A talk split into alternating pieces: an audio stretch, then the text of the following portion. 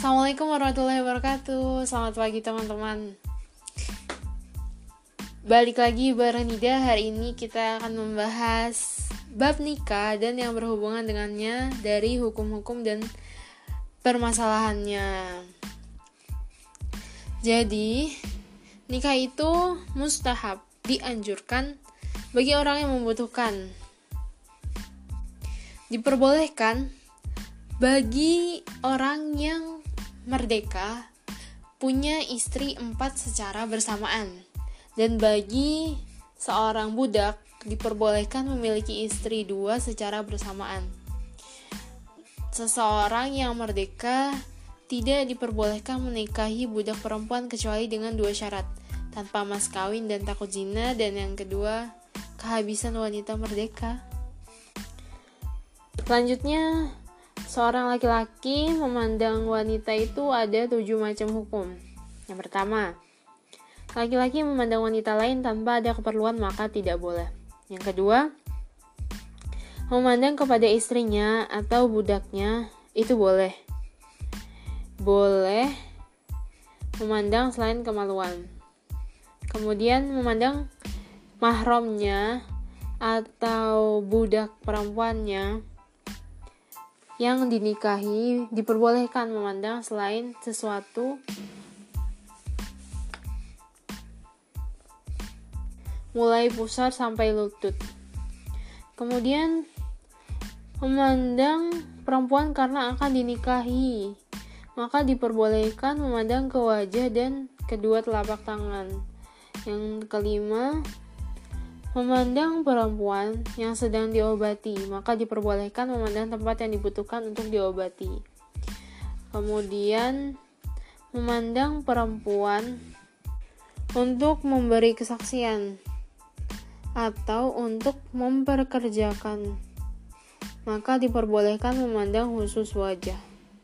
Dan yang terakhir, memandang budak perempuan yang akan dibelinya maka boleh memandang tempat yang dijadikan pedoman diterimanya dalam jual beli budak. Dan tidak sah nikah kecuali dengan kehadiran seorang wali dan kehadiran dua saksi yang adil.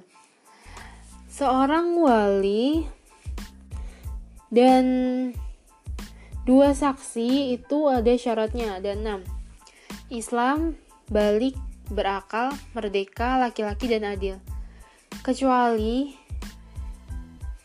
pernikahan seorang amat dimi budak perempuan maka tidak membutuhkan Islamnya seorang wali dan nikahnya seorang amat tidak membutuhkan adilnya tuan. Kemudian daftar urutan wali nikah. Wali nikah yang utama itu ada adalah ayah, kemudian kakek atau bapaknya bapak, kemudian saudara laki-laki kandung saya seibu, kemudian saudara laki-laki seayah, kemudian anaknya saudara laki-laki yang sebapak seibu, kemudian anaknya saudara laki-laki yang seayah, kemudian paman, kemudian anaknya paman.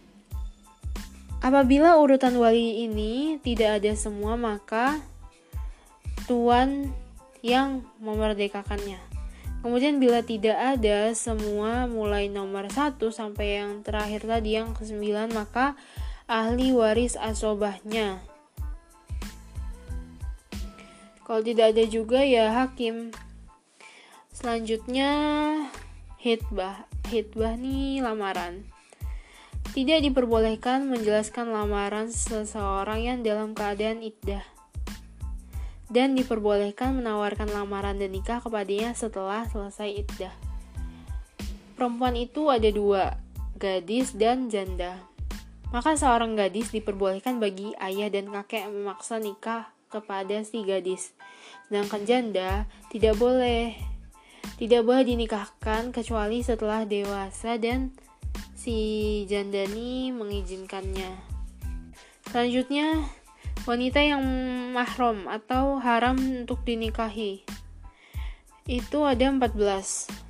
tujuh sebab nasab yaitu ada ibu ibu ke atas maksudnya ibu nenek dan selanjutnya terus anak perempuan ke bawah anak perempuan cucu gitu terus saudara perempuan bibi dari ibu bibi dari ayah anak perempuan saudara laki-laki anak perempuan saudara perempuan terus yang kedua sebab menyusui uh, sebab menyusu maksudnya itu ada berapa ya coba uh, ibu yang menyusui sama saudara perempuan sesusuan. Terus sebab perkawinan itu ada empat. Ibu istri, anak tiri yang sudah disetubuhi ibunya, terus istri ayah, kemudian istri anak. Kalau sat, uh, satu sebab mempersatukan yaitu uh, saudara perempuan istri, tidak boleh dibarengkan antar perempuan dan bibi dari bapak atau ibunya dan diharamkan sebab susuan sebagaimana sebab keturunan. Kemudian perempuan boleh ditolak karena lima aib, yaitu gila, menderita penyakit lepra, belang, terus ada daging yang menutupi kemaluannya, ada tulang yang ada di kemaluannya. Terus laki-laki boleh ditolak sebab lima hal juga, gila, menderita penyakit lepra, belang, terpotong kemaluannya, dan impoten. Selanjutnya hukum menyebut mahar nih disunahkan menyebutkan mahar dalam nikah. Bila tidak disebutkan dalam nikah maka akan nikahnya tetap sah. Mahar menjadi wajib karena tiga hal. Dia mewajibkan terhadap dirinya atau diwajibkan oleh hakim atau telah mendahuluinya, maka wajib membayar umumnya mahar. Tidak ada anggaran mahar dalam ukuran sedikit atau banyaknya. Diperbolehkan seseorang menikahi perempuan dengan mas kawin kemanfaatan sesuatu. Mahar bias mahar bisa gugur separuh akibat tolak sebelum hubungan intim. Kemudian hukumnya resepsi pernikahan walimah. Walimah urus nih resepsi pernikahan itu dianjurkan. Dan memenuhi undangannya adalah wajib kecuali ada uzur syar'i atau halangan lah intinya yang selanjutnya hukum adil dalam poligami nih membuat sama giliran di antara beberapa istri itu wajib tidak diperbolehkan memasuki atau duhul selain istri yang mendapat giliran kecuali ada kebutuhan Ketika suami hendak berpergian, maka dia harus memilih di antara beberapa istri dan keluar dengan yang menang dalam undian. Dan ketika suami beristri muda lagi, maka ada bonus untuk istri muda tersebut selama tujuh malam saat gadis dan tiga hari bila janda. Dan ketika suami takut akan puriknya istri, harus dia nasihati. Bila istri menolak untuk dinasihati, maka harus pisah ranjang. Dan bila istri tetap purik atau pulang ke orang tua maka boleh dipukul boleh si suami boleh mukul istrinya dan karena purik tersebut gugurlah jatah gilir dan jatah nafkah kemudian kita berlanjut ke perceraian dan hmm, perceraian dalam Islam ini dibolehkan sebagai jalan terakhir dalam mengatasi masalah rumah tangga saat kedua pihak suami istri ini tidak lagi bisa menemukan jalan motivasi dan alasan untuk bisa bersatu. Talak nih bisa terjadi karena keinginan suami atau cerai talak atau keinginan istri gugat cerai. Nah selanjutnya kita bahas bab hulu Hulu ini maksudnya gugat cerai istri dengan membayar pada suami. Jadi hulu ini diperbolehkan dengan menawarkan sesuatu yang dikenal dan memiliki yang dimiliki si wanita nih. Wanita itu sendiri maksudnya dan tidak boleh rujuk kecuali dengan pernikahan baru. Dan hulu diperbolehkan dalam keadaan suci dan pada saat menstruasi. Hulu tidak disamakan dengan talak, jadi beda tuh. Kemudian bab talak. Talak atau perceraian. Talak ini ada dua jenis. Suareh dan kinayah. Suareh ini jelas, terang-terangan, kinayah ini sindiran. Talak yang sorry, jelas, itu ada tiga kata. cerai dan pemisah dan bebas. Talak yang jelas tidak membutuhkan niat, sedang talak yang kinayah yaitu semua lafaz yang memuat talak dan kinayah itu membutuhkan niat. Dan dalam urusan talak, perempuan itu ada ada macamnya. Tidak haram dan haram, yaitu perempuan yang dalam keadaan haid. Tidak haram tuh yang gak haid. Haram tuh yang lagi haid.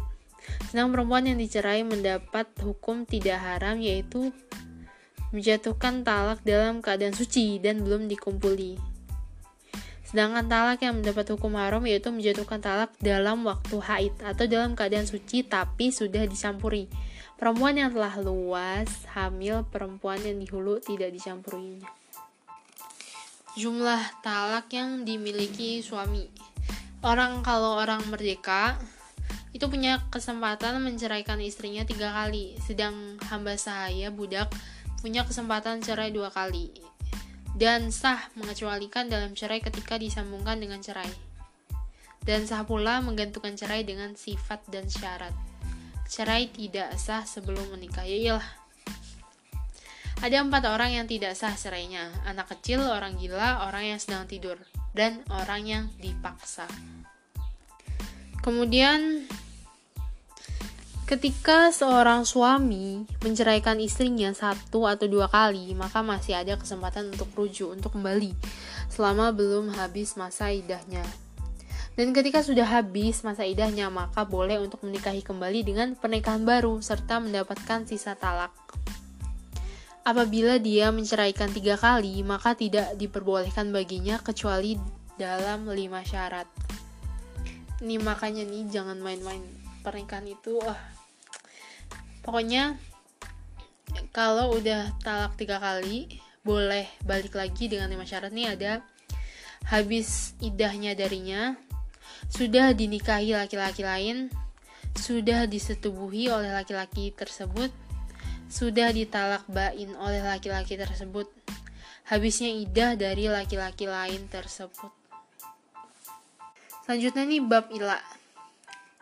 Jadi bila apabila seorang suami bersumpah tidak akan mencampuri istrinya mutlakon mutlak atau dalam waktu lebih dari empat bulan itu adalah sumpah ilah dan tidak bergur, uh, tidak berguna bila seorang istri meminta dalam waktu empat bulan tersebut. Kemudian suami disuruh memilih antara bersetubuh dan bayar kafarot atau cerai. Bila suami menolak, maka diceraikan oleh hakim. Selanjutnya nih bab zihar. Zihar tuh seorang apabila seorang suami mengucapkan kepada istrinya anti alayya zuhri umi kamu atas saya seperti punggung ibu saya gitu maka ketika suami mengatakan seperti itu dan tidak diikuti dengan talak maka dia boleh kembali dengan istrinya dan wajib membayar kafarat adapun kafarat zihar itu adalah ada beberapa jenisnya nih? Yang pertama memerdekakan budak perempuan mukmin yang selamat dari cacat melakukan pekerjaannya. Kemudian apabila tidak menemukan maka harus puasa dua bulan berturut-turut. Apabila tidak mampu maka memberi makan 60 miskin. Setiap miskin satu mut. Tidak diperbolehkan mencampuri istrinya sampai dia membayar kafarat. Selanjutnya nih tuduhan zina, kozaf tuduhan berzina. Selanjutnya nih tuduhan zina kozaf. Ketika seorang suami menuduh zina kepada istrinya, maka dia harus lihat tuduhannya kecuali dengan bukti atau sumpah. Maka dia bersaksi di depan hakim dan di depan masyarakat di atas mimbar dia bilang saya bersaksi demi Allah bahwa saya adalah orang yang jujur terhadap apa yang saya tudah, tuduhkan kepada istri saya. Dan anak ini dari zina, bukan dari saya. Itu empat kali ya, dia bilang kayak gitu. Terus, dan untuk ucapan yang kelima nih, setelah dinasehati hakim, dia bilang saya dilaknat Allah bila saya berbohong. Dan yang berhubungan dengan liannya si cowok tadi si laki-laki tadi itu ada lima hukum. Gugurnya had darinya wajib had terhadap perempuan hilangnya uh, pisah ranjang maksudnya terus penghapusan nasab anak terus haram untuk kembali untuk rujuk selamanya selama-lamanya. Nah, si hat ini hat yang untuk istri bisa gugur. Apabila istri meyakinkan dengan ucapan saya bersaksi demi Allah. Dan sesungguhnya si fulan ini termasuk orang yang berbohong dengan apa yang dituduhkannya kepada saya kalau saya berzina ini empat kali. Kemudian yang kelima kalinya setelah dinasehati hakim dia bilang gini dan atasku kemarahan Allah jika suami saya termasuk orang yang benar Selanjutnya iddah. Perempuan yang iddah ini ada dua macam. Ditinggal mati dan tidak ditinggal mati. Iddah akibat ditinggal mati uh, apabila hamil